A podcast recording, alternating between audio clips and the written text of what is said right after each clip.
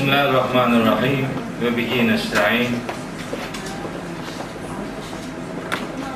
Arkadaşlar bu derste inşallah Şems suresinin 5. ayetinden itibaren aşağıya doğru ineceğiz. Bitirmeyi hedefliyorum ama bilmiyorum biter mi? Biterse ne hala bitmesi haftaya inşallah devam ederiz.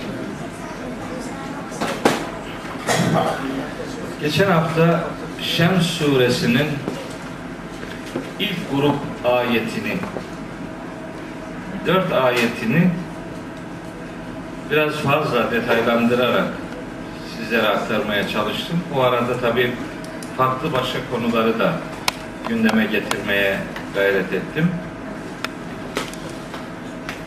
Orada da ifade ettiğim gibi surenin ilk 8 ayeti yeminlerden oluşuyor. İlk 8 ayet. Ama biz onun sadece 4 tanesini okuyabildik. Kalan kısmına başlayamadık.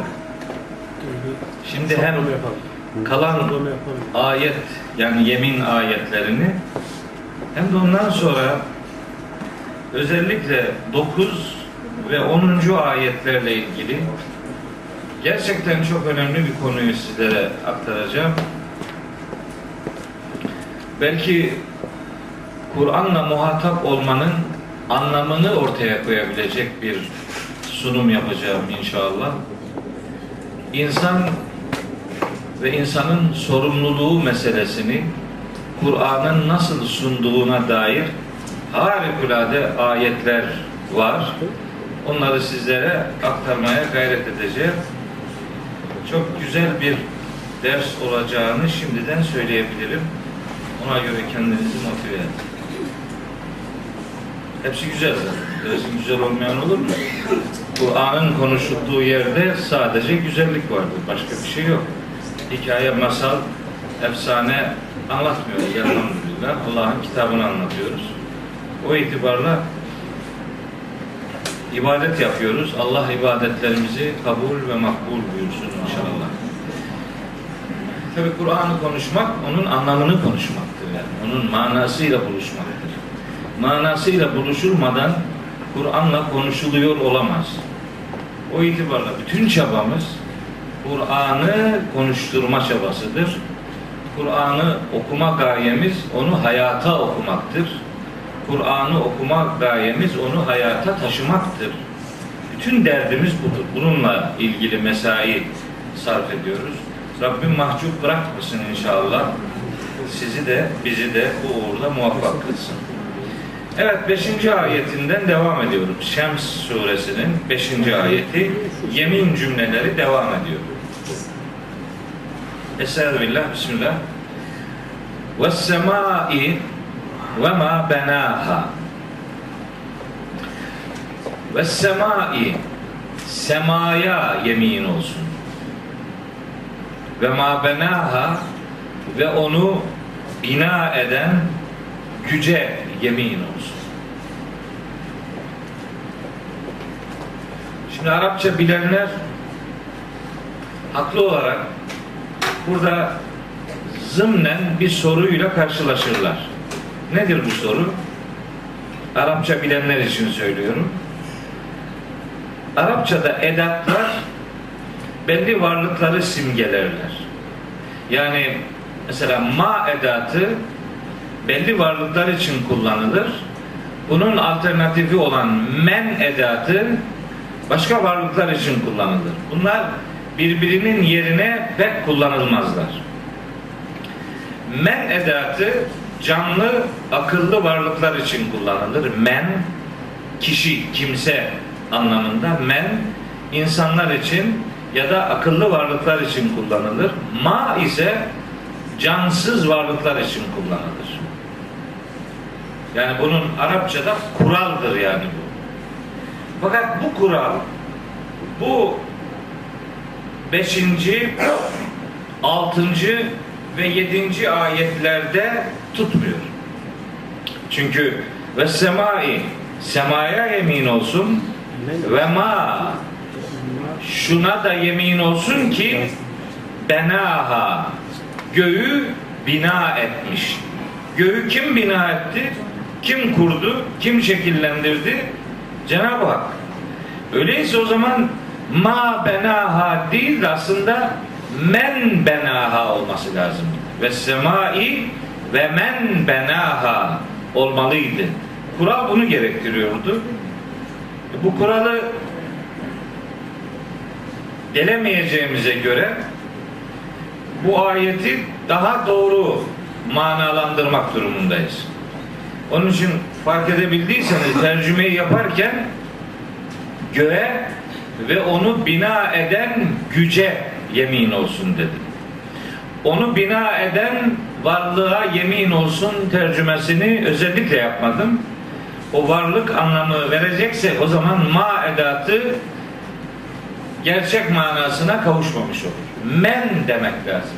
Madem ki ma edatı kullanılıyor, öyleyse Allah diye tercümeyi öyle yapmayacağız. Güç, kuvvet, kudret gibi ifadeler kullanacağız ki ma edatı doğru bir anlam kazanmış olsun. Semaya yemin olsun ve onu bina eden, inşa eden, şekillendiren güce yemin olsun. Kur'an-ı Kerim'de sema kavramı müstakil bir kavramdır. Sema diye Kur'an'da çok ayetlerde geçen bir kelime. Sema kelimesi. Tabi beraberinde kullanıldığı diyelim mesanilik gereği yani bir şeyi çiftiyle, zıddıyla anlatmak gereği kullanılan kelime yanı başında eğer yeryüzü ise sema kelimesine de ister istemez gökyüzü manası veriyoruz. Ama aslında sema doğrudan gökyüzü tercümesiyle tam ifade edilmiş olmuyor. Sema sümül kelimesi var Arapçada. Oradan türetilmiş bir kelimedir ve sema yüksekler, yüceler, üst alem demektir. Onun için mesela ilahi dinler diyoruz ya ilahi dinler. İlahi dinlerin bir adı da semavi dinlerdir. Semavi demek aslında mekan olarak yukarımızdaki gök anlamına gelmez. Mekan olarak yukarı manası vermez semavilik. Makam olarak yukarılık manası verir. Mekan olarak değil, makam olarak üst alem demektir. Böyle olunca semaya ve onu bina eden güce yemin olsun ifademiz yer küresi hariç geri kalan bütün alemleri içeriyor demektir. Yüceler alemi diyebileceğimiz yer küresi hariç, dünya hariç geri kalan her nesneyi, her varlığı sema kelimesi içeriyor demektir. Biz e, Tarık suresini okumuş muyduk bilmiyorum. Tarık suresini mesela eğer okumuş idiysek orada da mutlaka söylemişimdir. Ve semai ve tariki semaya ve tarıka yemin olsun ifadesiyle başlıyor. Şimdi oraya semaya gök tarık kelimesine de yıldız manası verince anlam daralıyor. Sıkıntılı bir hal söz konusu oluyor. O hali gevşetmek ve daha doğru bir yere oturtmak durumundayız. Oradaki mana da aslında yüceler alemine ve yüceler aleminden ışıldayan, parıldayan yıldıza yemin olsun. Ki o yıldız o ayetteki yani Tarık suresindeki Tarık kelimesi yıldız manasına alınıyorsa da aslında bildiğimiz bu gezegenin kardeşi yıldız demek değildi. Tarık karanlıkları aydınlatan vahiy ışıması demektir. Vahiy yıldızı demektir. Öyleyse Tarık yüceler alemidir. Şey, sema yüceler alemidir. Tarık oradan yansıyan ışıktır, yıldızdır, ışık hüzmesidir. Yansıyan, yansıyan dedik. Ara sıra ilkayan. De benim kelimelerde telaffuzumu değil, söylemek istediğimi e, takip edin bence. Hemen benim hatamı bulup hoca yanlış konuşuyor, kelimeleri dizdiremiyor demeyin, demeyin yani. Ve semai ve ma benaha. Yüceler alemine ve o alemi bina eden eşsiz, erişilmez, erişilmez güce yemin olsun. Artık daha hata yaparız sürekli. Evet, şimdi gökle alakalı Kur'an'ın söylemlerine dair birkaç ayet hatırlatmak istiyorum. Bakın Kur'an bu sema kavramını hangi içeriklerde kullanıyor? Mesela Naziat suresinde buyuruyor ki Estağfirullah E entüm eşeddu halkan emis sema'u Sizi yaratmak mı daha zordur? Emis sema'u yoksa göğü, uzayı mı? Benaha ki o göğü bina eden Allah'tır. Bakın Allah insanın yaratılmasıyla semanın, uzayın yaratılmasını bir mukayese konusu ediniyor. Ve o devasa alemi yaratmaya kadir olan bu güç insanoğlunu yaratmaya elbette kadirdir. Bir mukayesenin konusu yapıyor. Mesela Yasin'de var bu biliyorsunuz. Estağfirullah. Eveleysellezî halakas semâvâti vel arda bi kadirin ala en yahluka mislehum. Gökleri ve yeri yaratmaya güç yetiren o varlık, o kadir mutlak, insanların benzerlerini yaratmaya kadir olmaz mı hiç? Bela, elbette kadirdir. Ve huvel hallâkul alim. Her türlü yaratmayı gerçekleştiren ve her şeyi hakkıyla bilen varlık, yegane varlık Allahu Teala'dır diyor Yasin suresinin 81. ayetinde. Mesela Mümin suresinin 57. ayetinde buyuruyor ki Estağfirullah. La halkus semavati vel ardı ekberu min halqin nasi. Göklerin ve yerin yaratılması insanların yaratılmasından daha büyük bir iştir. Daha zor bir iştir. Yani bunları niye söylüyor biliyor musunuz?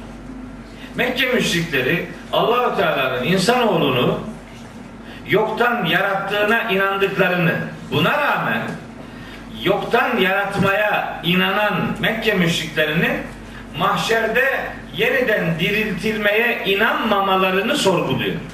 Bu ne saçma bir mantıksızlıktır. Yani yoktan hiç yokken bunları yaratan Allah'tır. Buna inanıyorsunuz. Gökleri ve yeri yaratan varlık da Allah'tır. Buna da inanıyorsunuz. Çünkü Kur'an'da şöyle ayetler var. Ve le inseeltehum men halakas semavati vel arda. Sorsan onlara ki gökleri ve yeri kim yarattı diye le ne cevap verip diyecekler ki Allahu Allah yarattı. Hiç tereddütsüz bunu söylüyorlar. Yoktan yaratan Allah gökleri yeri bütün bu sistemi var eden Allah e bu bu kadar kadir olan Allah insanları mahşer için yeniden diriltemez. Dalga geçiyorlar. Ne diyorlar Yasin'de? Lena meselen ve nesiye halkahu. Kendi yaratılışını unutarak kalkıp bize örnek veriyor. Utanmadan diyor ki gale men yuhyil izame ve hiye ramimun. Böyle un ufak toz toprak olmuş bir haldeki bu kemikleri kim diriltecekmiş ki? Alay ediyorlar. Allahu Teala o Yasin'in son sayfa son grup ayetlerinde bu inkarı dile getirenlere üç esaslı cevap veriyor. Cevaplardan biri gökleri yeri yaratmaya kadir olan Allah'ın insanların benzerini mahşer için yaratmaya da kadir olacağını beyan ediyor. Başka iki örnek daha var. Hani sözü uzatmamak için oraya girmiyorum.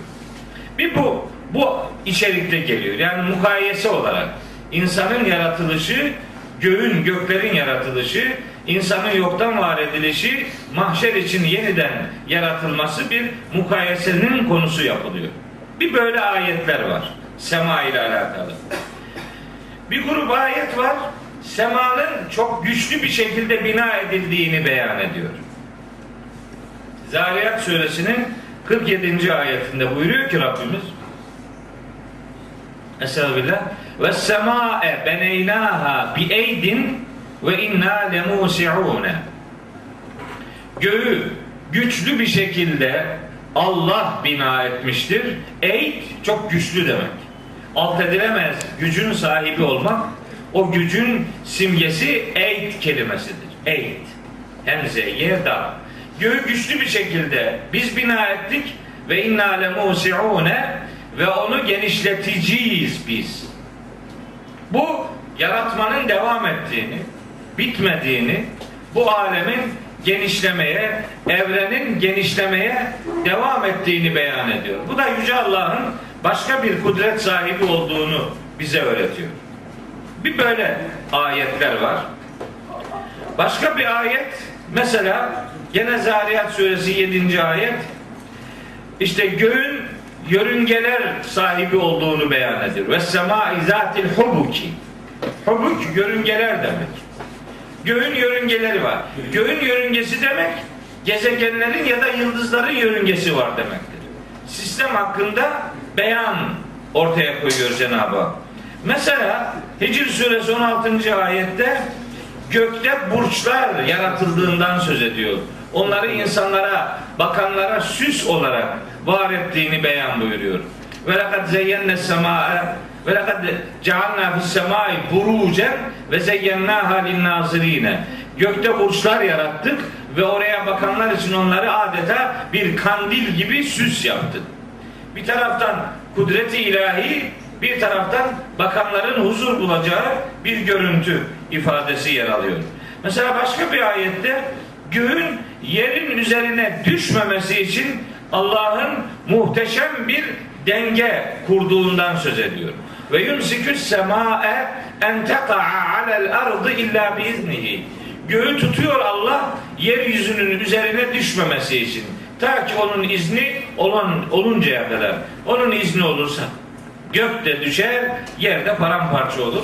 Burada da gök yer dengesi üzerinde Allahu Teala bir fikir veriyor. Benzer bir ayet Fatır suresinin 41. ayetidir. Orada da inna Allah yumsikus semavati vel arda en tezula ve le in zaleta in emsekehuma min ahadin.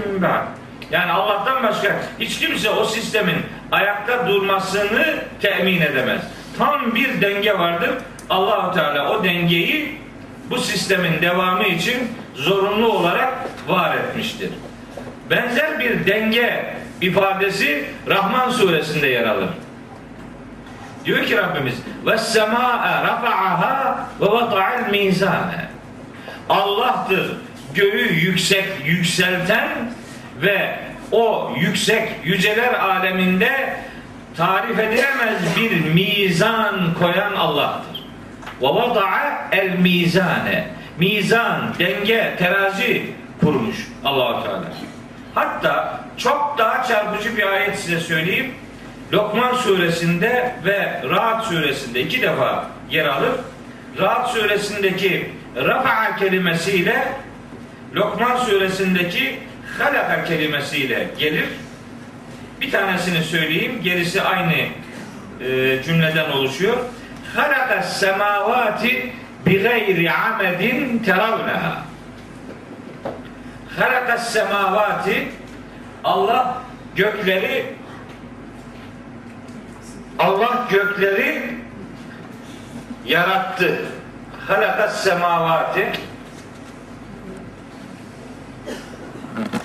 Halaka semavati bi gayri amedin teravneha. Allah gökleri bi gayri amedin amed kelimesi imad kelimesinin çoğuludur. İmad yani el imad direk demek. Amed onun çoğulu direkler. Allah gökleri direkler olmadan yarattı. Nitekim teravneha siz de o gökleri görüyorsunuz. Gökleri işte gördüğünüz gibi direkler olmadan yarattı. Öbür ayette de rafa'as semavati diyor. Gökleri direkler olmadan yükseltti. Yarattı, yükseltti yani. İkisini ayrı ayrı kullanmaya şimdi burada gerek yok. Şimdi bu anlaşılıyor değil mi? Bu, bu, bu manada bir sorun yok. Allah gökleri direkler olmadan yarattı. Nitekim siz de gökleri görüyorsunuz. Yok direk mirek yok. Bu hep böyle tercüme edildi. Ve bu tercümeyle herkes memnun ve mutlu. Bakıyor direk yok tamam. Demek ki ayetin söylemek istediği bu. Bu, bu kadar rahat. Ama az Arapça bilenler bunu yutmamak durumundadır. Arapçayı bildin mi kusura bakma diyorsun. Böyle olmaz. Bütün mealler böyle bu yaptığım tercümeyi yapmışlardır. Bütün demeyelim ya. Yani büyük çoğunluğu. Belki başka yapanlar da vardır. Şimdi hakkını yemeyelim. Ha. Yani böyle tercümeler Allah gökleri direkler olmadan yarattı. Nitekim görüyorsunuz. Burada şey Bak- demiş mesela, o gökleri görebildiğiniz bir direk olmaksızın yarattı. Ha şimdi onu diyeceğim. İşte bak iyi ki hep söyledi demedik yani düzelttik işi. Başka yazanlar da var. Şimdi Arapçayı bilenler Üstad o yazıyı koyu kalemle yazarsanız, yani tam herhalde uzak... koyu kalemle anem koyusu bu. Halakas semavati bi gayri amedin Allah gökleri direkler olmadan yarattı. Nitekim siz o gökleri görüyorsunuz. Ama Arapçada bir kural vardır. Zamirler bir kelimeye ait olarak kullanılırlar. Yani o demek için önce onun yerini söylemiş olmanız lazım. Önce isim kullanacaksın ki sonra o diyesin. İsim kullanmadan o demek Arapçada galet kullanımdır. Hani bunun Arapçada karşılığı izmar kable zikir derler buna. Bu olmaz yani. Anmadan zamir kullanmak hatalı bir kullanımdır. Bir, bir kural budur. Bir kural daha var. Şimdi burada lazım olan kural odur. Bir zamir eğer bir cümlede iki kelimeyi de görebiliyorsa Kur'an o zamiri kendisine en yakın olan kelimeye götürmektir. Eğer zamiri uzaktaki kelimeye götürecekseniz ayrı bir delil getirmeniz lazım. Eğer ayrıca bir deliliniz yoksa kural zamiri yakınındakine götürmeyi gerektirir. Yani biraz teorik söyledim ama çok da cümlemi düzgün kullandım Allah için yani. Ama biraz daha açıklamam lazım bunu. Yani pratik pratikte örneklendirmem lazım. Şimdi burada ha zamiri var. Onu, onları. Bu ha zamiri. Ahmet kelimesini de görebilir. Çünkü Ahmet çoğuldur. Ona gidecek zamir ha olmak zorundadır. Bir de semavat kelimesi. O da çoğuldur. Ona gidecek zamir de ha olmalıdır. Anlaşılıyor ki şu ha zamiri dolayısıyla terevneha cümlesi ha zamiri ya da zamirin içinde bulunduğu o terevneha cümlesi hal cümlesi ya amedi niteleyecek ya semavati niteleyecek. Eğer semavati nitelerse anlam dediğimiz gibi olur.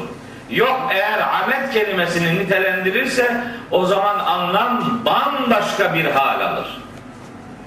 Allah gökleri sizin görebileceğiniz direkler olmadan yarattı. Allah gökleri sizin görebileceğiniz direkler olmadan yarattı. Yani direk var, sen görmüyorsun. Ve bu ayetin doğru manası budur. Öbür manası çok doğru değildir. Niye? Kural şu ha zamiri kendisine en yakın kelimeye gönderilmelidir. Kural budur. Yok eğer onu yukarıya daha uzağa bir kelimeye götürecekseniz başka bir delil arayacaksınız. Bakın Allahu Teala'nın kainatla ilgili kullandığı muhteşem ifadeler. Bu verdiğim ikinci anlam insanoğlunun uzay araştırmalarında geri durmamasını gerektiren bir anlamdır. Yani siz göremiyor olsanız da direkler var. Öyleyse siz direkt deyince aklınıza hep üç boyutlu nesnel şeyleri getirmeyin. Direkt deyince hep böyle efendim uzunluğu, efendim genişliği ve eni olan kübik ya da varlıkları e, düşünmeyin. Başka direkler de var demeye getiriyor Allahu Teala. Nedir bu? Buradaki başka direkler mesela merkez kaç kuvvetidir? Mesela hava basıncıdır. Mesela biliyorsunuz kaldıraçlar var. Kaldıraçlar. Kaldıraçlarda hangi şey kullanılır? Kaldıraçlar ya yağla kullanılanı vardır ya havayla kullanılan vardır. Bakın asıl en güçlü direk belki de havadır, hava basıncıdır. Bu gezegenleri birbirine çarpmadan varlıklarını devam ettiren şey Allahu Teala'nın onların arasına koyduğu muhteşem denge kanunudur. İşte sünnetullah denen şey budur. Göklerin direği yokmuş ne güzel demektense direkleri var ve biz bu direkleri nasıl direkler diye anlamak durumundayız. Öyleyse kainat kitabı bizim laboratuvarımızdır. Biz bu laboratuvarda her şeyi araştırmalı, her konuyu ayet bilerek onun üzerine gitmeliyiz. Nasip olmadı. Şu ilahiyata bir dekan olamadım. Eğer olsaydım planlarımdan bir tanesi ilahiyat programına Direkt. bu tür müsbet bilimlerle alakalı dersler koydurmaktı. Astronomi koydurmaktı. Embriyoloji koydurmaktı. Zooloji koydurmaktı. Jeomorfoloji koydurmaktı. Bu ayetler başka türlü anlaşılmaz. Gök var, direk yok. Oh ne kadar güzel. Allah diyor ki göklere bakın. Bakın burada inceleyin, bir şeyler inceleyin diyor. Biz diyoruz yok yok, lüzum yok. incelemeye gerek. İnsanın yaratılışından söz eden ayetler var. Birebir embriyoloji bilimini bize öğretiyor. Bizim okullarda böyle şeyler yok. Niye? Çünkü ilimleri ikiye ayırdı batılılar, bize de yutturdular. Ne dediler? Dini ilimler, dünyevi ilimler. Hay sevsinler senin ayrımını be. Senin kitabına göre dünyevi ilim, dini ilim ayrımı belki oturur. Benim kitabıma oturmaz bu. Yutturmadın bunu bize. Onlar yutturuyor. Bizimkiler yutmamalıydılar bunu. Dini ilim, dünyevi ilim korkunç bir hatadır Müslüman dünya için. Allahu Teala bize namaz kılmayı emrettiği gibi kainatı incelemeyi de emretmiştir. Onlarca ayet bir çırpıda size okuyabilirim şimdi bununla alakalı. Korkunç bir sapma yaşandı. Dini ilimler, müsbet ilimler. Bak bak bak. Ne demek bu? Müsbetin bizde karşılığı nedir? Menfi. Olumlanabilen ilimler, olumlanamayan ilimler. Olumlanamayan ilimler ne? Dini ilimler. Böyle bir şey olabilir mi? Bu ne korkunç bir hata. Ya İlahiyat fakültesinde bunlar konuşulmuyor arkadaşlar. Kur'an'ın bu tür ayetleri kimsenin gündeminde yok. Hatta bazı ilahiyatçılar daha korkunç bir şekilde mesela Kur'an'da böyle ayetlerin olamayacağını iddia ediyorlar. Onlara göre bu ayetler eğer varsa sahabiler bu kitabı anlayamadılar. Dolayısıyla onlar bu konuda cahil kaldılar. Onları suçlamak anlamına gelir. O gün bilinmeyen bir ilmi falanca adam niye bilmiyor diye sormak haksızlıktır. Ama bu kitap evrensel bir kitaptır. Bu kitabın mahşere kadar dünyaya ilan ettiği gerçekler vardır. Ve bu gerçekler kainat kitabıyla bize anlatılmış, aktarılmış gerçekler. Biz bunları öğrenmek zorundayız. Ve bunların öğrenilebileceği en güzel yer ilahiyat fakülteleridir. Ama heyhat hiçbirinde böyle bir program, hiçbirinde böyle bir ders yok. Seçmeli ders bile yok. Herkes memnun. 1300 sene önce yazılmış bugün kitabından mutlu adam. Tamam böyle gitsin diyor. E bu ayet ne olacak? Şu ayetleri nasıl anlayacak bu ümmet? Anlayacak mı bunlar? Anlamayacak. Anlamayacak. An ve ve sema rafa'aha. Allah göğü yükseltti. Ve vada'al mizane. Bir denge kurdu. Senin bu dengeyi araştırmak ve sünnetullah hakkında malumat sahibi olmak gibi bir derdin olmayacak mı yani hiç? Evelem yanzuru fi melekutis semavati vel ardı. Göklerin ve yerin melekutunu görmüyor mu bir insanlar? Ve ma halakallahu min şeyin. Allah'ın yarattığı her bir şeye nazar etmez mi bu adamlar? Korkunç bir vurdum duymazlık, korkunç bir dışlama mantığı hakim İslam dünyasında. Korkunç. Bu büyük gündemi bizim önümüzden aldılar. Böyle bir gündemi yok Müslümanların. Şimdi daha korkunç bir şey daha yaptılar. Onu da 9 ve 10. ayetleri okurken söyleyeceğim size. Korkunç ya. intihar gibi bir şey bu. Bu nasıl bir algı? Bu neye hizmet eder? Bundan kim nasıl nemalanır? Anlamak mümkün değil. Burada Gâşiye suresini okumuştuk. Çok iyi hatırlıyorum. Efela efela yenzurune ilel ibili keyfe hulikat. Bakmazlar mı deveye nasıl yaratılmış? Ve ile semai keyfe rufi'at. Göğe bakmazlar mı nasıl yükseltilmiş? Ve ilel ardı ve ilel cibali keyfe nusibet. Dağların nasıl çakıldığını hiç muhakeme etmezler mi? Ve ilel ardı keyfe sutrihat. Yeryüzünün nasıl en, enlemesine yayıldığına hiç mi bakmaz bu adamlar? Hiç mi bakmaz demek siz inanıyorsanız bakmanıza da gerek yoktur demek midir bu? İnanıyorsanız özellikle bakmalısınız. Çünkü Allah'ın sanatını ve saltanatını görme ve gözlemleme şansı elde edeceksiniz. Bu laboratuvarlarla olur. Bu bilimsel çalışmalarla olur. Bize dini, dünyevi ilim ayrımını dayatanlara karşı bizim din ve dünya ayrımımız yok. Bizim din dediğimiz şey dünyayı da mahşeri de beraber götüren değerlerden oluşmaktadır. Bunu haykıramadık bir türlü. Bu ayrım bilimde yapıldı, ilimde yapıldı, bir süre sonra hukukta yapıldı, her şeyde yapıldı. Din başka, dünya başka. Din başka, devlet başka. O başka, bu başka. Namaz başka, kumar başka. Oruç başka, zina başka. Alışveriş başka, faiz başka. Hep başka. O ona karışmaz, o ona karışmaz. At başı gidiyorlar. Bu korkunç bir çürümedir. Korkunç bir çürümedir bu. Bizim kitabımız böyle ayrımlara müsait bir kitap değil. Onun için her Müslümanın hayata yeniden bakmak ve bu hayatı yeniden Kur'an'ın sunduğu ilkeler doğrultusunda kavramak mecburiyeti var. Onun için buradan söylüyorum. İlahiyat fakültelerinin ders programları mutlak surette değiştirilmelidir. Böyle değil 70 tane ilahiyat, 700 tane ilahiyat olsa hiçbir işe yaramaz.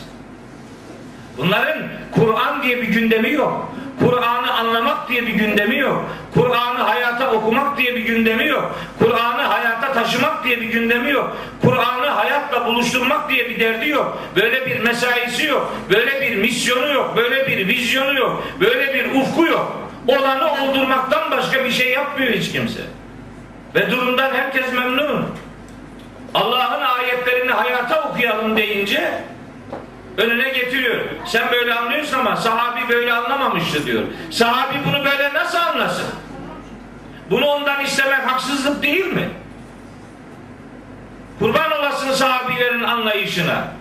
O can verdi, sen kafa vermiyorsun. Düşünce vermiyorsun, mesai vermiyorsun. Böyle olmaz yani. Bu çok korkunç bir çürümedir. Gerçekten acayip kahroluyorum. İşte bir idareci olmak istiyorum. Millet zannediyor ki Ulan ne makam sevdalısı bu adam bu. Şu Kur'an'ın izzeti hakkına söylüyorum. Eğer bir makamda gözüm varsa namerdim. Ama benim bu kitabın konuşulması gibi bir derdim var.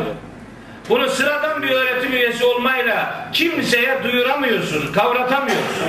İdareci olman lazım bunu gündeme almak için.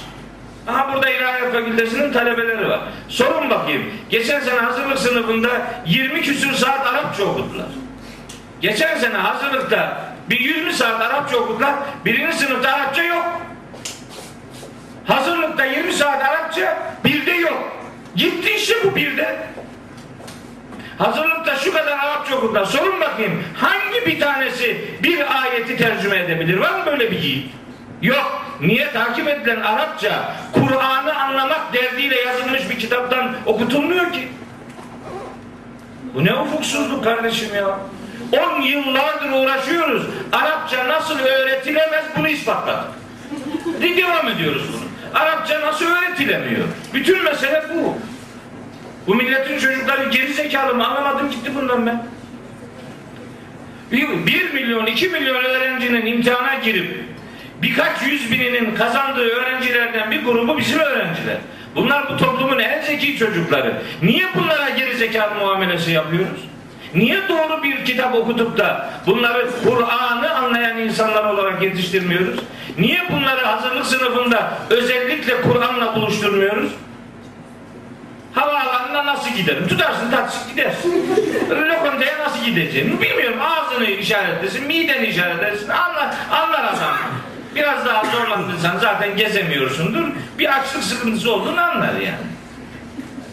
Ya cümlelere bak işte. Senin uyruğun nedir? İşte Türk. Seninki Hint. Seninki bilmem ne. Ne yapalım şimdi bu ya? Ne bu ya? Bana kul huvallahu ahad ayetini tercüme edecek bir bilgi ver de be kardeşim. Yok. Yani kahroluyorum. Ben olsam bak yeminle söylüyorum. Üç ayda yani bir dönemde Kur'an'ı az buçuk anlayacak Arapçayı vallahi öğretir. Billahi öğretirim ya. Ne iş bunlar? Zeki çocuklar. Geri zekalı durumuna düştü çocuk. Nedir? Her sene kitap değişiyor ya. Bu sene yine değişti. Bu işin bir tarafı. Bu programda hayat yok. Bu programın her senesinde Kur'an diye bir ders olması lazım. Kur'an'ı anlamak diye bir ders olması lazım. Kur'an'ı hayata okumak diye bir ders olması lazım. Yok böyle bir şey. Olmayınca, olmayınca bir şey yok işte. Benim oğlum bina okur, döner döner gene okur. Muhtemelen 100 senede aynısını okuyacak. Değişmiyor, gündem değişmiyor. Yazık oluyor, vallahi çok üzülüyorum. Yazık günah ya. Milletin çocuklarına böyle onların üzerinden efendim denek gibi, kobay gibi kullanılıyor çocuklar. Onlar da bir şey diyemiyor. Ne yapsın? Hocam diyor öğrenemedik. Öğrenemedin. Okul kaybetmiyor. Hocaya da bir şey olmuyor. Bunun zararını sen çekeceksin. Sen alternatif arayışlar içine gireceksin. Başka çaresi yokmuş. Ne yapar? Dua ediniz, etmediniz olmadı.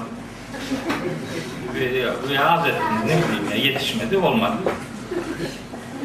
Ama neyse ben burada derslerimi anlatıyorum. Ben Kur'an diye bir gündemimiz olması gerektiğini haykırıyorum. Yıllardır bunu yapıyorum. Ömrüm oldukça da yapacağım. Ne kadar başarılı olur ne bileyim.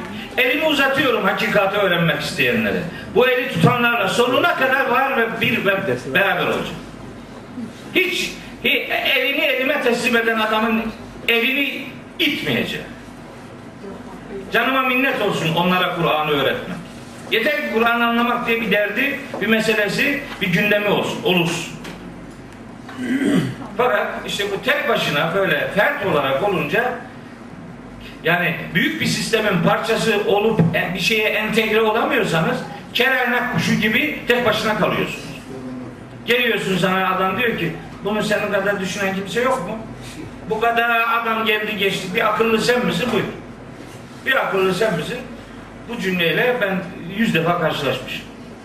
Sen çok akıllısın, mamulün ortada. Sen acayip akıllısın, al. İmtihanlarda Arapça bir şey soruyoruz. Bir paragraf. Öğrencilerin yüzde sekseni dokunmuyor, hiç dokunmuyor. Tertemiz. O soruları, en kolay o soruları okuyoruz. Hiç yok ki, bir şey yok yani. Yani hareket yok, tercüme yok, bir şey yok. Ya yazık ya, ayet midir değil midir onu bile anlamıyor çocuk. Niye? O kadar Arapça okumuş, kuralları ayetlerden öğrenmemiş. Ben olsam her kurala 10 tane ayet delil getiririm ya. Harfi cer cer eder değil mi? Harfi cer. Harfi cer.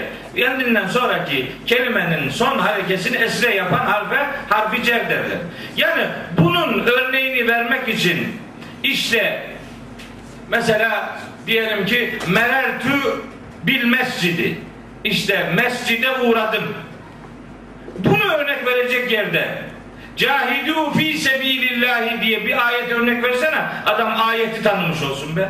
20 tane ayetten örnek ver de hem kuralı öğrensin hem ayeti öğrensin. Yok olmaz.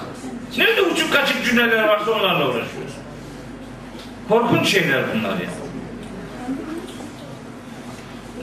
Evet, gök diye bir gündemi var Müslümanın.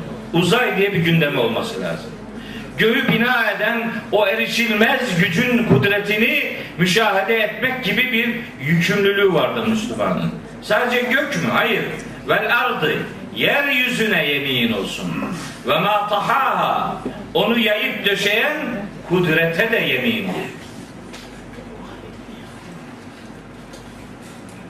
yeryüzüne Kur'an'da yeryüzü diye bir gündem var. Yer yani bu arzla alakalı harikulade ayetler var gerçekten. Onlar aslında yani pek çoğunu 40'a yakın ayeti tespit ettim ama o detaya girmiyorum artık. Yerle alakalı başka ayetler zaten karşımıza gelecek inşallah. Onları orada okuyayım istiyorum. Şu 7. ayeti, 8. ayeti de hızlı hızlı geçeyim. 9 ve 10 ile ilgili asıl söyleyeceklerim var. Bir türlü oraya gelemedik. Korkuyorum gelemeyeceğiz diye. Ve nefsin nefse yemin olsun. Ve nefsin nefse insana insana yemin olsun. Ve nefsin cana yemin olsun. Cana. Can, insan. insana yemin olsun ve ma sevvaha ve insanı tesviye eden kudrete yemin olsun. İnsanın tesviye edilmesi ne demek? Ona çeşitli kabiliyetler verilmesi demektir. Yani onu müsavat, müsavat dediğimiz dengeli hale getirmek demektir. Bu dengelilik Hani altın oran diye bir şey var. Altın oran. İnsan vücudunun organlarında muhteşem bir altın oran var. Yani burnunuzun oranı burnunuzdan aşağısıyla belli. Burnunuz alnınızla belli. Kaşlarınız yanaklarla belli. Kulaklarınız kulağınız kulak memesine göre belli bir oranı var. Çenenin yukarıya doğru kolun dirseğe göre, dirseğin bileğe göre, bileğin parmağa göre, parmağın bu boğumlarına göre hepsinde muhteşem bir altın oran diye bir oran var. İşte tesviye bu altın oranı Cenab-ı Hakk'ın dizaynıdır. Şimdi Müslümanın bu altın oranı nasılmış diye sorgulama görevi yok mu yani? Bir tesviye deyince adamı düzgün, kalas gibi ortaya çıkarmak demek değildir. Beden ruh birlikteliği ve o bedendeki muhteşem uyumu Cenab-ı Hakk'ın ortaya koyduğu ilahi kudrete dikkat çekmektedir. Ve nefsin ve ma sevvaha. Cana, insana ve onu tesviye eden, düzenleyen, onu çeşitli kabiliyetlerin sahibi yapan, öylece onu donanımlı hale getiren muhteşem kuvvete, kudrete yemin olsun. Evet. Şimdi bu ayetle alakalı yani 7. ayetle alakalı 8. ayetteki muhteşem bir cümleyi size aktarmak istiyorum. Hani onu söylemeden hani güneşe, ışığına, aya, gündüze, geceye, göğe, yere ve insana. Şimdi Kur'an-ı Kerim'de böyle çeşitli anlatım metotları vardır. Din eğitimcilerinin çok yakinen kullandığı bildiği. Mesela yakından uzağa, uzaktan yakına, görünenden görünmeyene, görünmeyenden görünene, bilinmeyenden bilinene, bilinenden bilinmeyene gibi anlatım metotları vardır. Kur'an-ı Kerim bunları bazen sıra sıra kullanır, bazen iç içe kullanır. Bir bakarsınız yakından uzağa metodu vardır. Bir bakarsınız uzaktan yakına metodu vardır. Bir bakarsınız bilinenden bilinmeyene, bir bakarsınız bilinmeyenden bilinene bir anlatım metodu vardır. Bunlar Kur'an'ın somuttan soyuta, soyuttan somuta anlatım metotları. Bazen bütünden parçaya, bazen parçadan bütüne anlatım metotları var. İşte bu, bu ayetlerde bu anlatım metotları iç içe kullanılmış.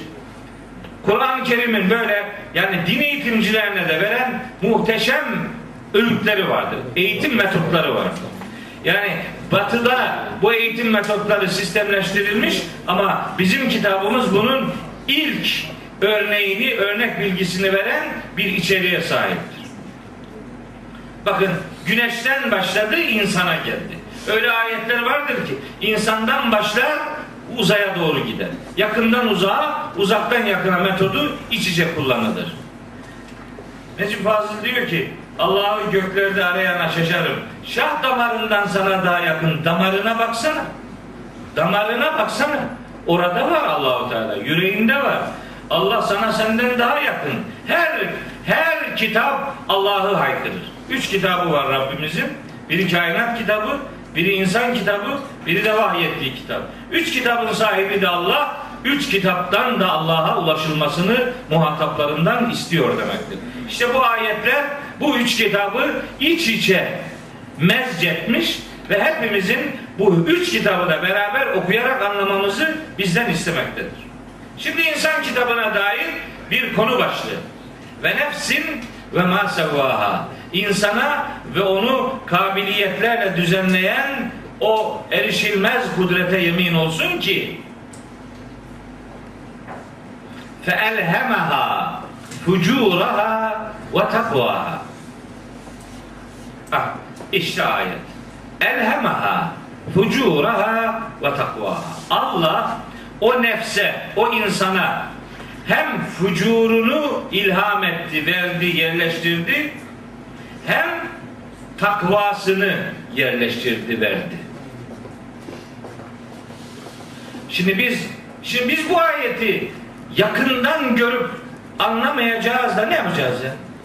Allah'ın bize fücur ilhamı ne demektir? Allah'ın bize takva ilhamı ne demektir? Dahası fücur nedir, takva nedir?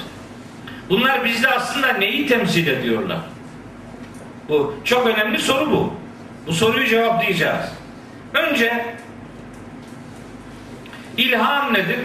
Birkaç kelimeyle ona temas edeyim. allah Teala'nın öğretme anlamında kullandığı çeşitli kelimeler var Kur'an'da.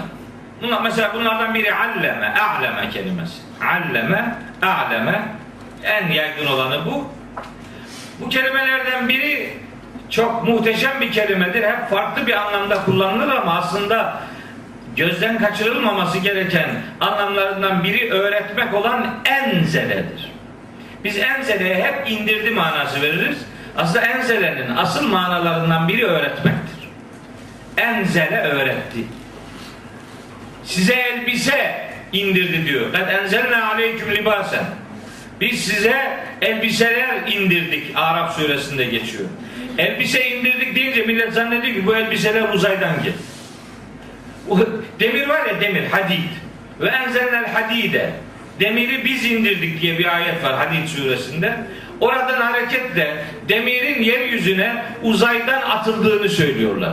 Bilmiyor ki enzele kelimesi kullanımına vermek, öğretmek manasına da geliyor. Ve o ayetlerdeki manası budur. Enzele kullanımına vermek, öğretmek. Hatta bunun dışında enzelenin daha muhteşem bir anlamı vardır. O da ikram etmek anlamıdır. İnzal etmek, ikram etmektir.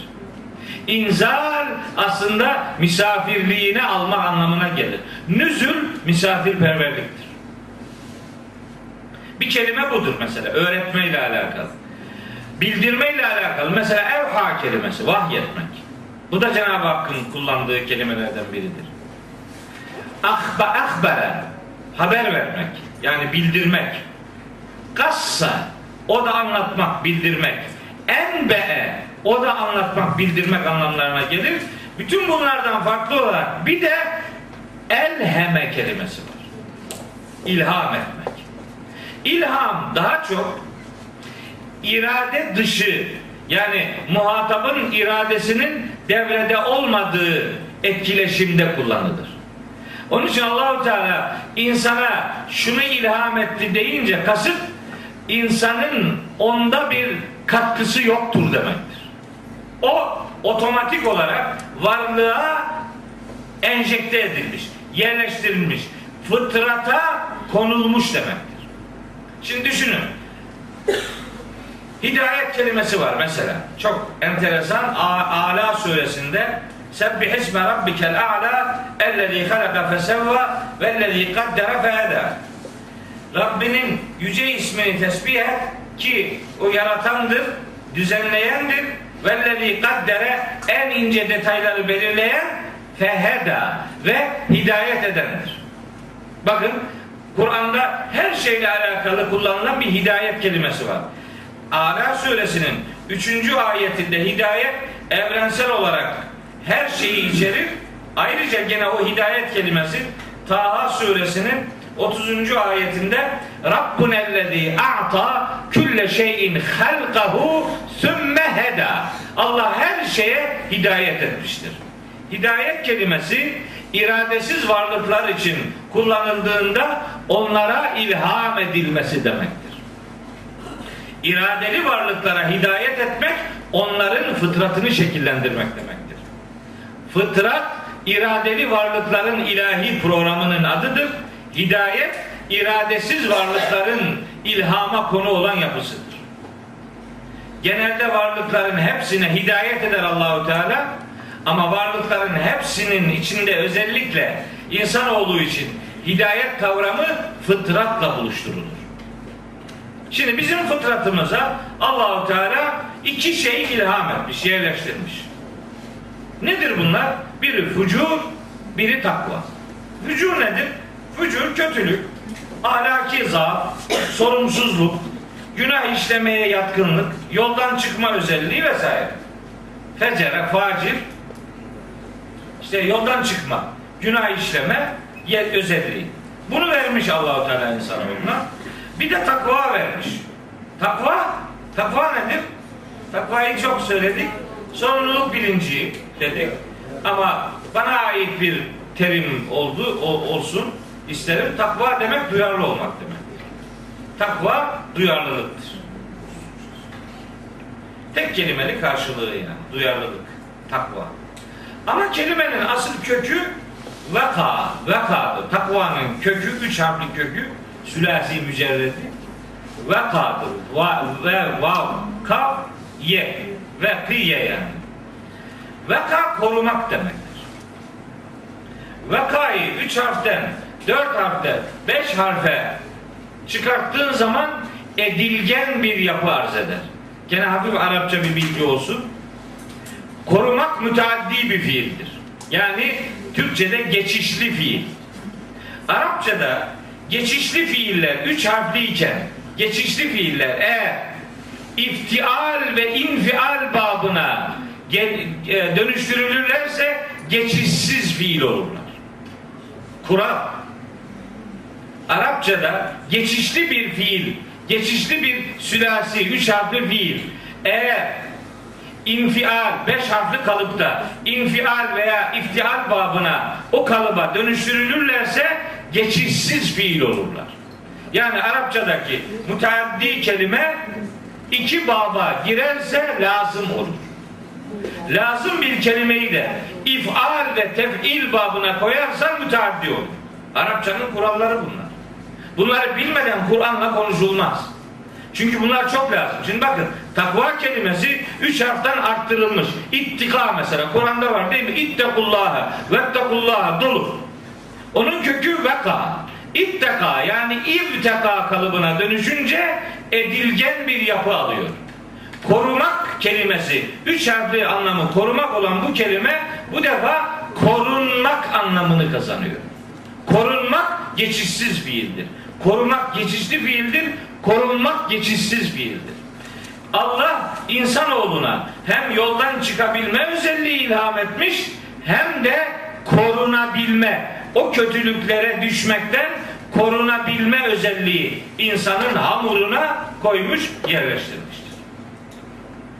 İkisi beraber fücur ve takva ikisi beraber yan yana kullanılınca zannedilmesin ki insanoğlunda fücurun ve takvanın e, hamurunda var edilmesi yüzde elli yüzde ellidir. Fifty fifty değil yani.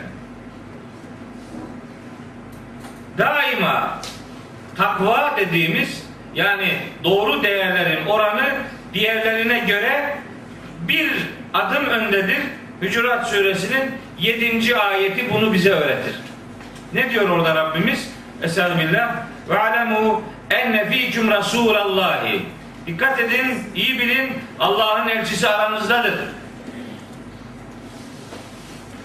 Bu ayeti kutlu doğum haftalarında okuyorum. Millet kafası Allah kullak olur. Soruyorum. Peygamberimizi seviyor musunuz? Tabii diyor. Ciddi misin? Çok seviyorum diyor. Mesela diyorum. Gerçekten seviyorsan Allah için yani. Seviyorsan. Mesela diyelim ki peygamberimiz geldi. Zaten bekliyorlar ya İsa Musa gelecek. Onlar geldi, geldi bizimki yani. Evet. Sayalım ki. Gel. Diyelim Türkiye'ye geldi. Peygamberimizi mesela Antalya'ya götürebilir misiniz? Kemer'e mesela. Oralara. Oralara, Demre'ye. Götürebilir misiniz? Yok. Marmaris'e, Bodrum'a, İzmir'e, İstanbul'a. Mesela İstanbul'da İstiklal Caddesi'nde dolaştırabilir misiniz peygamberimizi? Dolaştıramaz. Samsun'a çiftliğe götürebilir misin peygamberimizi oradan? Fener plajının yanından geçirebilir misin onu abiler? Yok değil mi? Peygamberimiz geldi. Sizin eve götürebilir misin onu? Sizin eve eve. Kendi evine. Mesela onun yanında televizyonu açabilir misin? Onun raflara veya duvarlarda asılı süslere baktırabilir misin? Baktırabilir miyiz? Var mı öyle bir evimiz? Camiye sokabilir misin peygamberimiz? Onun yaptığı camilere benziyor mu sizin cami, şimdiki cami? Peygamberimizin yiyebileceği helal rızıklardan oluşmuş bir çorba sunabilir misin ona? Kaşığını helal parayla aldığından emin misin? Var mı böyle bir yiğitliğin? Alabilir misin? Peygamberimizin yanına hanımını getirebilir misin? Kızını filan. Uşakları getirebilir misin yanına? Onların giysilerini mesela. Yok. Hani çok seviyordun peygamberi? Seviyorum ama uzaktan. 1400 sene öncesinde sevmek daha akıllıcadır. Onun için kutlu doğum haftaları on yıllarca hep Hazreti Peygamber'i anma programları olarak düzenlendi. Şimdi yeni yeni anlamaya dönüştürdüler işi. Yeni yeni. Ben o konferanslarda diyorum ve alemu enne fîküm Resulallah yanında peygamber varmış gibi yaşayabiliyor musun? Bana ondan bahset. Yalandan çok seviyorum sloganına karnım tok benim. Geç o işi. Bir atama yapıyorsun. Peygamber yanında onun yanında olduğunu hissettiğin duyarlılıkta yapabiliyor musun bu atamayı? Bir alışverişi o da benim yanımda yapabiliyor musun? Var mı böyle bir şey? Ama bak Allahu Teala diyor ki ve alemu enne fîküm Resûlallâhi İyi bilin Allah'ın peygamberi içinizdedir. İçimizde mi? Bizim peygamber sevgimiz platonik bir aşktır. Uzak. Yani gelmesin yanımıza, semtimize dahi uğramasın. Böyle güzel oluyor sevgi. Fedakarlık gerektirmiyor. Bir şey yapmana lüzum yok. Hucurat suresi 7. ayeti ne olur hiç unutmayın. Aranızda peygamber var. Ona göre yaşayın. Görmen gerekmiyor. Ama var diyor. Bak öyle diyor. Sonra devam ediyor. Buyuruyor ki لَوْ يُطِيعُكُمْ ف۪ي كَثِيرٍ مِنَ الْاَمْرِ Eğer peygamber hayata dair pek çok konuda size itaat ediyor olsaydı yani şimdilerde olduğu gibi peygambere tabi olmak yerine onu kendinize tabi etmek hani ya Resulallah zaman değişti, şartlar değişti. Senin yaşadığın zaman böyle değildi. Artık iş değişti. Sen belki anlamıyorsun ama bunlar artık böyle böyle olacak gibi. Ona tabi olmak yerine onu sana tabi etmeye çalışırsan diyor. Lanittum. Başınız daima sıkıntıya girer. Hiç sıkıntıdan kurtulamazsın. Velakinnallâhe ancak bağırtmayalım. Lanittum. Lanittum. Başınız sıkıntıya girer diyor Allah da. Girerdi. Peygamberi size uydurursanız böyle olur. Velakinnallâhe ama sakın unutmayın. Bilin ki Allah habbebe ileykümül imane. Allah size imanı fıtratınızda sevdirmiştir. Ve zeyyenehu fi kulubikum. onu kalplerinizde süslemiştir. Ve kerrehe ileyküm size çirkin göstermiştir. Fıtratınıza fücuru yerleştirmiş ama o fücur şunların çirkin olduğunu bilmenize mani değil. Neyi çirkin göstermiş? El küfre, nankörlüğü, vel fusuke, yoldan çıkmayı, vel isyane, Allah'a isyanı size çirkin göstermiştir. Neyi demek istiyorum? Söylemek istediğim şu. Bizim fıtratımıza fücurun ve takvanın ilham edilmesi her ikisinin de bizde yüzde elli yüzde elli bulunduğunun delili değildir. Bizde daima takva, iman yani olumlu değerler yüzde 51 mesabesindedir. Mesela Haşr suresinin son 22. ayetinde de Ulaike ketebe fi kulubihimul imane kalplerimize imanı Allah'ın yazdığını beyan etmektedir. Ve bu imana yatırım yapanlar ilahi destek alıp huzuru, mutluluğu öbür alemde cenneti elde edeceklerdir. Onlar Allah'ın razı olduğu, Allah'ın kendilerinden razı, onların da Allah'tan memnun olduğu insanlardır diye Haşr suresi 22. ayet bize bunu bildiriyor. Evet, takva fücurla ilgili bir giriş e, sunumu kabul edebileceğiniz bazı şeyleri ifade ettim.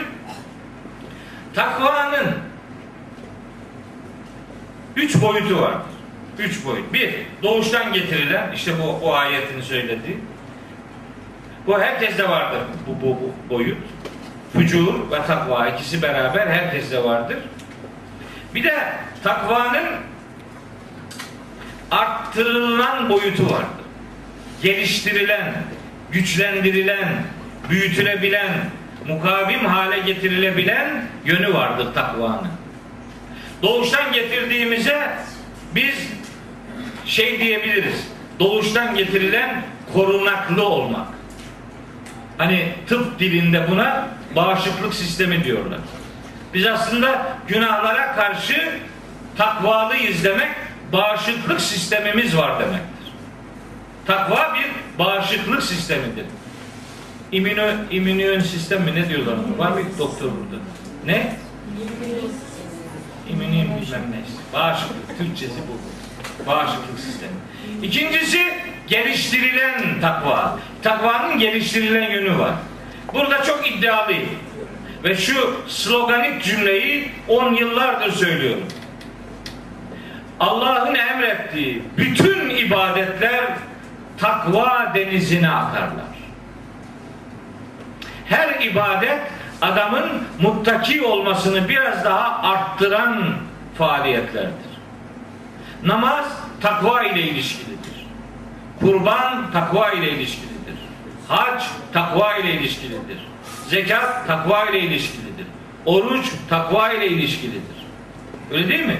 Ya eyyühellezine amenu kutibe aleykumus sıyam kema kutibe alellezine min kablikum leallekum tettekun.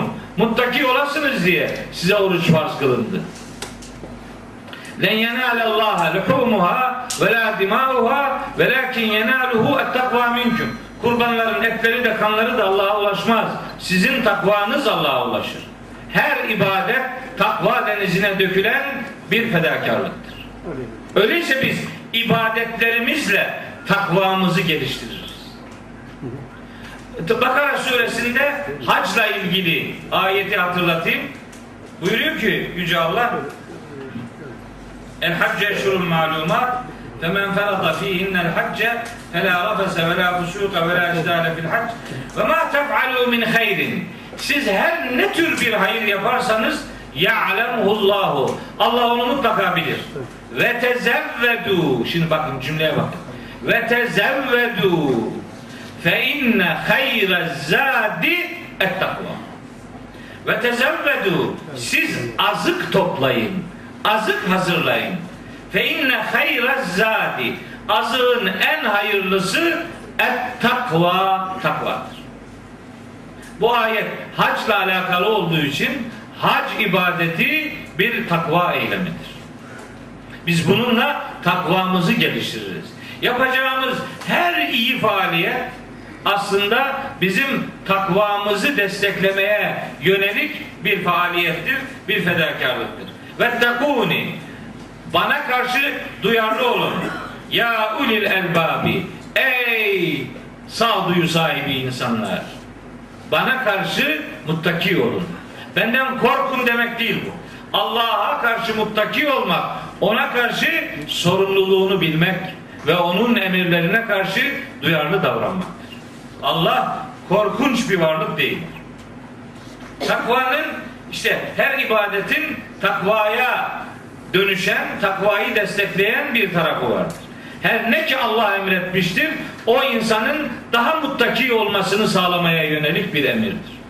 Ve mutlak hayır içeriklidir. Takvanın bir üçüncü yönü var. O da örtü olan kısmıdır. Takvanın bir de libas olanı vardır. Ve libasut takva. Bakın Araf suresinde buyuruyor ki ya beni Adem Ey Adem oğulları 26. ayeti Araf Edenzelne aleyküm libasen Size elbiseler kullanımını öğrettik. Elbise indirdik değil. Elbise öğrettik yani. Yuvari sevatikum avret yerlerinizi örtersiniz. Ve rişa ve süslenirsiniz yani elbiselerle. Ama ister örtünme, ister süslenme. İkisini birden kastederek Rabbimiz buyuruyor ki ve libasu takva zâlike hayrun. Takva elbisesine bakın asıl hayırlı olan budur. Takva elbisesi duyarlılık elbisesidir. Takva elbisesi imanın hayata hakim olduğunun göstergesidir. Takva demek Allah'la bir ve beraber olma duygusunu yaşama örtüsüdür. Takvanın insanın her tarafını kuşatması lazım. İmanı da, İslam'ı da, ahlakı da muttaki olmalıdır bir adam. Yani duyarlılığı her haliyle hayatına hakim kılmalıdır. Libasut takva, takvanın örtü olan kısmıdır ve asıl istenen takva da budur.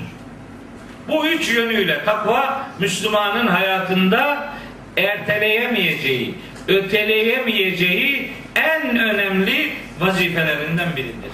Biri bana sorsa dese ki Kur'an'ın indiriliş gayesi nedir? Tereddütsüz cevap veririm. Muttaki adam yetiştirmektir. Çünkü takva öyle muhteşem bir kavramdır ki şimdi tabi tek başına tek başına bir ders yapsak yeridir takva ile alakalı. Mesela muttaki adamların özelliklerinden söz ediyor Kur'an-ı Kerim'de bir sürü ayet.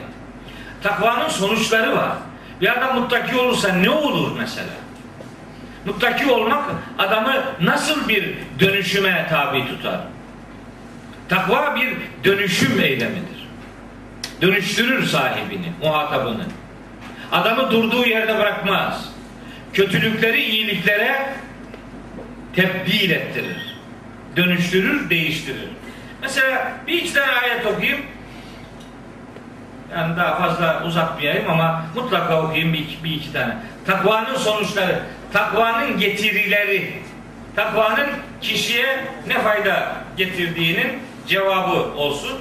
Mesela Ali İmran suresinde Rabbimiz buyuruyor ki surenin hemen 133, 134, 135. ayetleri. Şimdi bu ayetleri iyi dinleyin. 133, 134, 135. Üç tane ayet. Yoruldunuz mu? Uflayıp ufluyorsunuz.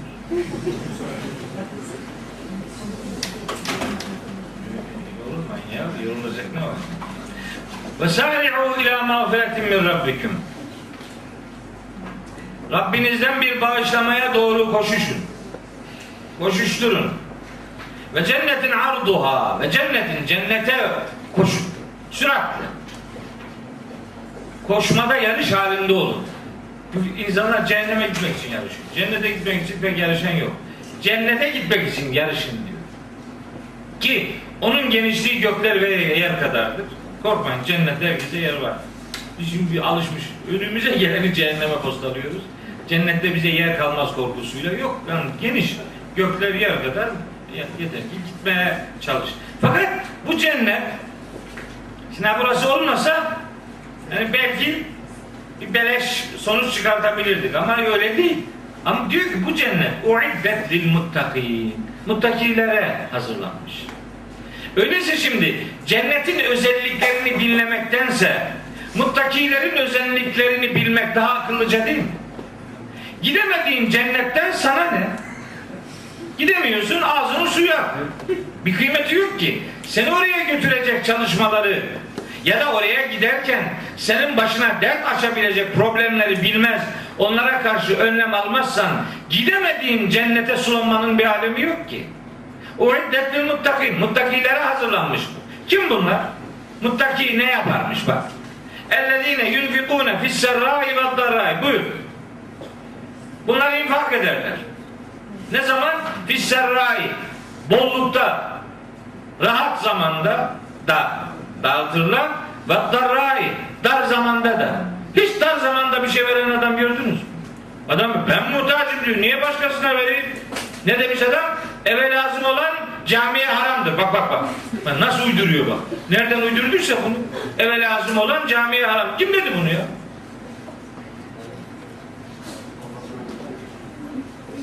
Adamına göre din. Buradan haberi yok ki vatandaş. Beled suresini mesela hiç okumamış adam. Hani diyor ya fekkü rakabetin ev it'amun fi yevmin zi mesgabetin kendisi zor durumda olduğu gün başkasına bakabilendir. Akabe denen tümseyi aşan bu adamdır diyor. Kendisi zorken verebilendir. Kendisi zordayken, sıkıntıdayken başkasını görebilendir. Medine Müslümanları böyle yapmıştır. İsa diye bir kurumu var bu dinin. İsa nedir?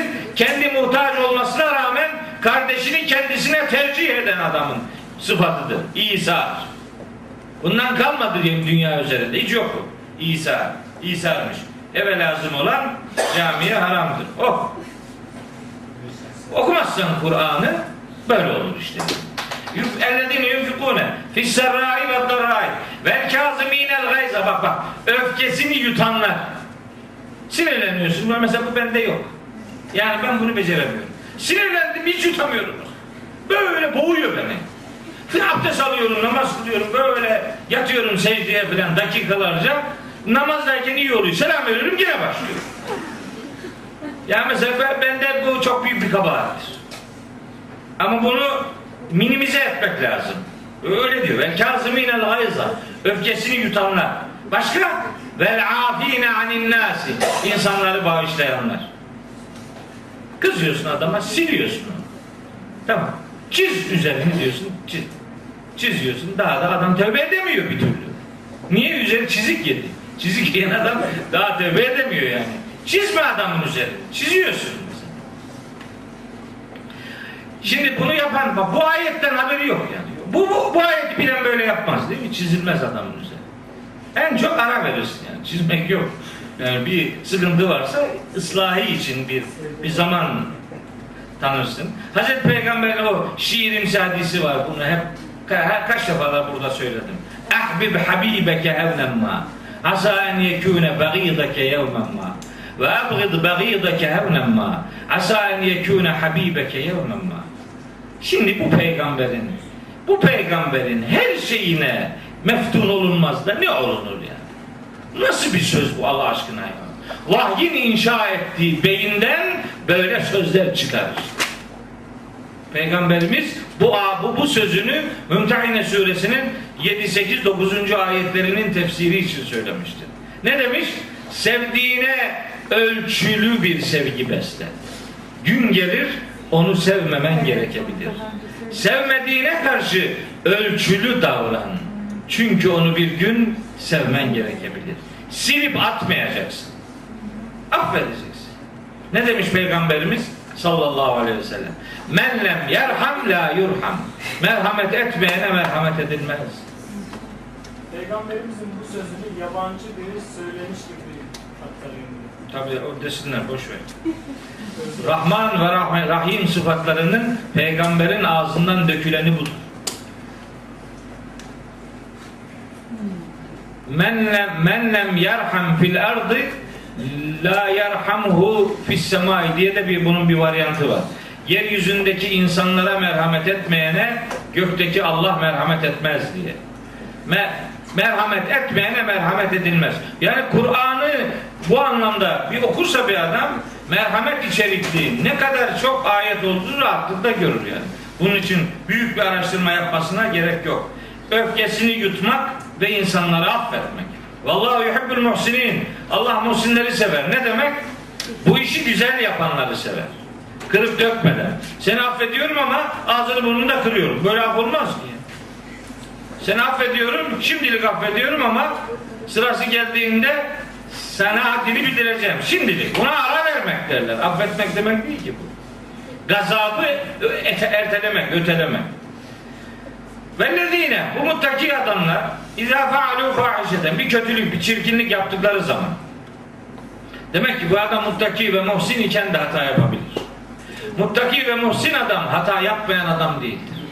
Vellezine izâ fealû bak muttaki ve muhsinleri anlatıyor. Benim sözüm değil Allah'ın sözü. Vellezine izâ fealû fâhişeten bir çirkin bir iş yaptığı zaman ev zalemû enfusehum yani kendine yazık ettiği zaman Zekerullaha hemen Allah'ı hatırlarlar. Festağferu li zunubihim bu hatalarından dolayı da bağışlanma dileğinde bulunurlar. Ve men yağfiru zunube illallahu Allah'tan başka hataları bağışlayabilen kim var ki? Ve lem yusirru ala ma faalu ve hum ya'lemun. Muttaki ve muhsin adamlar bile bile yaptıkları yanlışlıkta ısrar etmeyen adamlar. İşte takva adama bu özellikleri kazandırır. Yani infak ahlakı verir. Yani öfkesini yutturur. Yani insanları bağışlamaya onu yönlendirir. Yani hata yaptığı zaman Allah'ı hatırlar ve ondan bağışlama dileğinde bulunup bile bile hata yapmamaya, hatada ısrar etmemeye özen gösterir. Bir, takvanın bir grup sonucu budur. Başka bir sonucu var. Bu çok önemli ama. Bu da öbürü de önemliydi. Araf suresinin bakın 201. ayet. Yazın bunu zihninizin en berrak yerine yaz. İnnellezîne tekav muttaki adamlar yani takva sahibi adamlar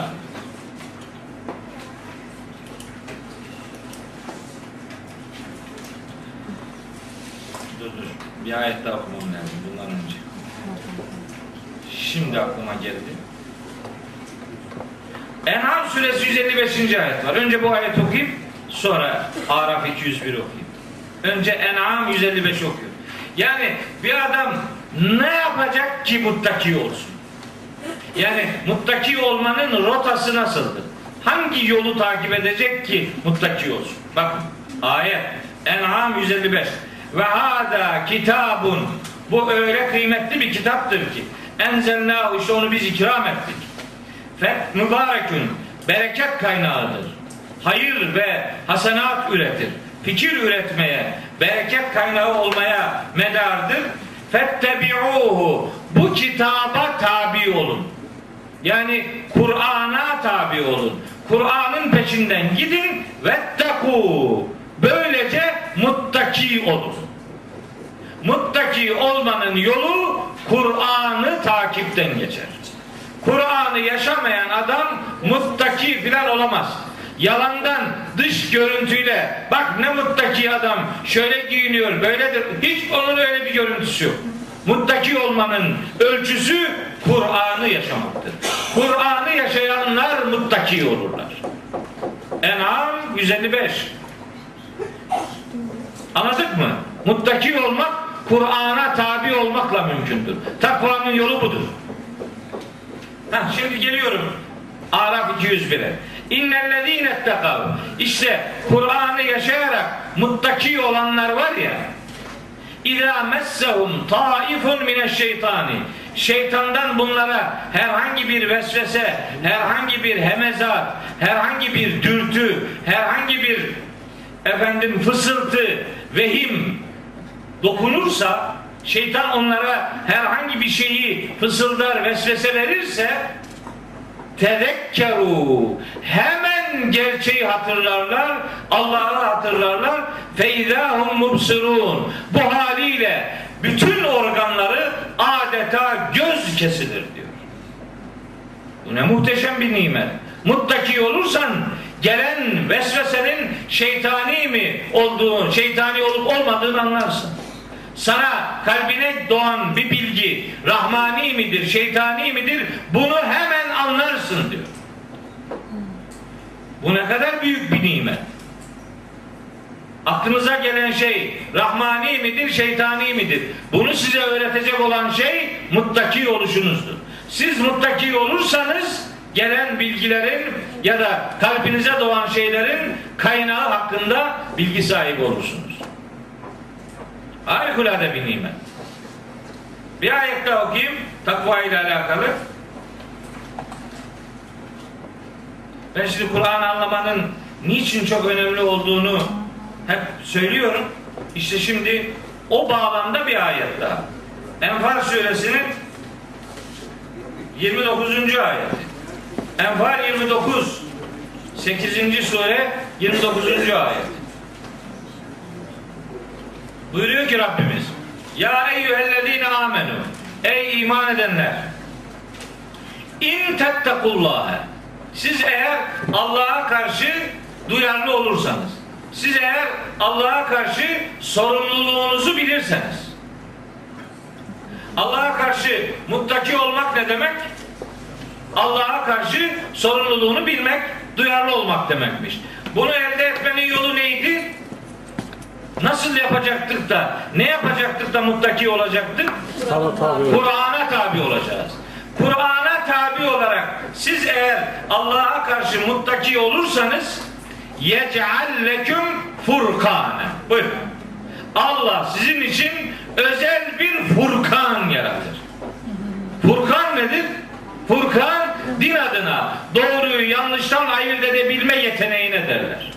Bir adam Kur'an'ı biliyorsa din adına neyin doğru neyin yanlış olduğunu çok kolayca fark eder. Ama eğer Furkan olan Kur'an'a tabi olup muttaki olabilmişse Furkan olan Kur'an'a tabi olanlar muttaki olurlar ve muttaki olanlara Allah özel bir Furkan yaratır. Kur'an'ı bilenler din adına neyin doğru, neyin yanlış olduğunu kolayca fark edenlerdir. Allah'ın garantisi bu. Enfal suresi 29. ayet. Şimdi bazen bir şey söylüyorum. Adam diyor, nereden biliyorsun? Kur'an'dan biliyorum. Cevap. Sana kadar bunu kimse bilmedi. Bana ne? Bana ne bilirim bilip bilmediğini? Sen benim dediğime bak. Adamı ikna edemiyorum. Niye? Çünkü o Kur'an'ı bilmiyor ki. Onun Kur'an diye bir rehberi yok.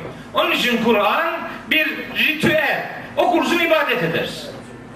El mütehabbedu bi tilavetihi. Tilavetiyle ibadet edilen oku sevap kazanıyorsun. Sevap kazanma makinesi. Hani zikir şeyleri yaptılar şimdi. Böyle basıyorsun tık tık Allah Allah Allah diye sayıyorsun mesela. Allah'ı zikretmek Allah Allah Allah Allah demek değil. Allah'ı zikretmek her işinde Allah'ı şahit tutmak demektir. Zikir budur. Sayıyorsun bin kere Allah Allah Allah Allah diyorsun. Allah Allah ona kalbinde yallah yallah diye gidiyorsun. Başka şeyler tasarlıyorsun.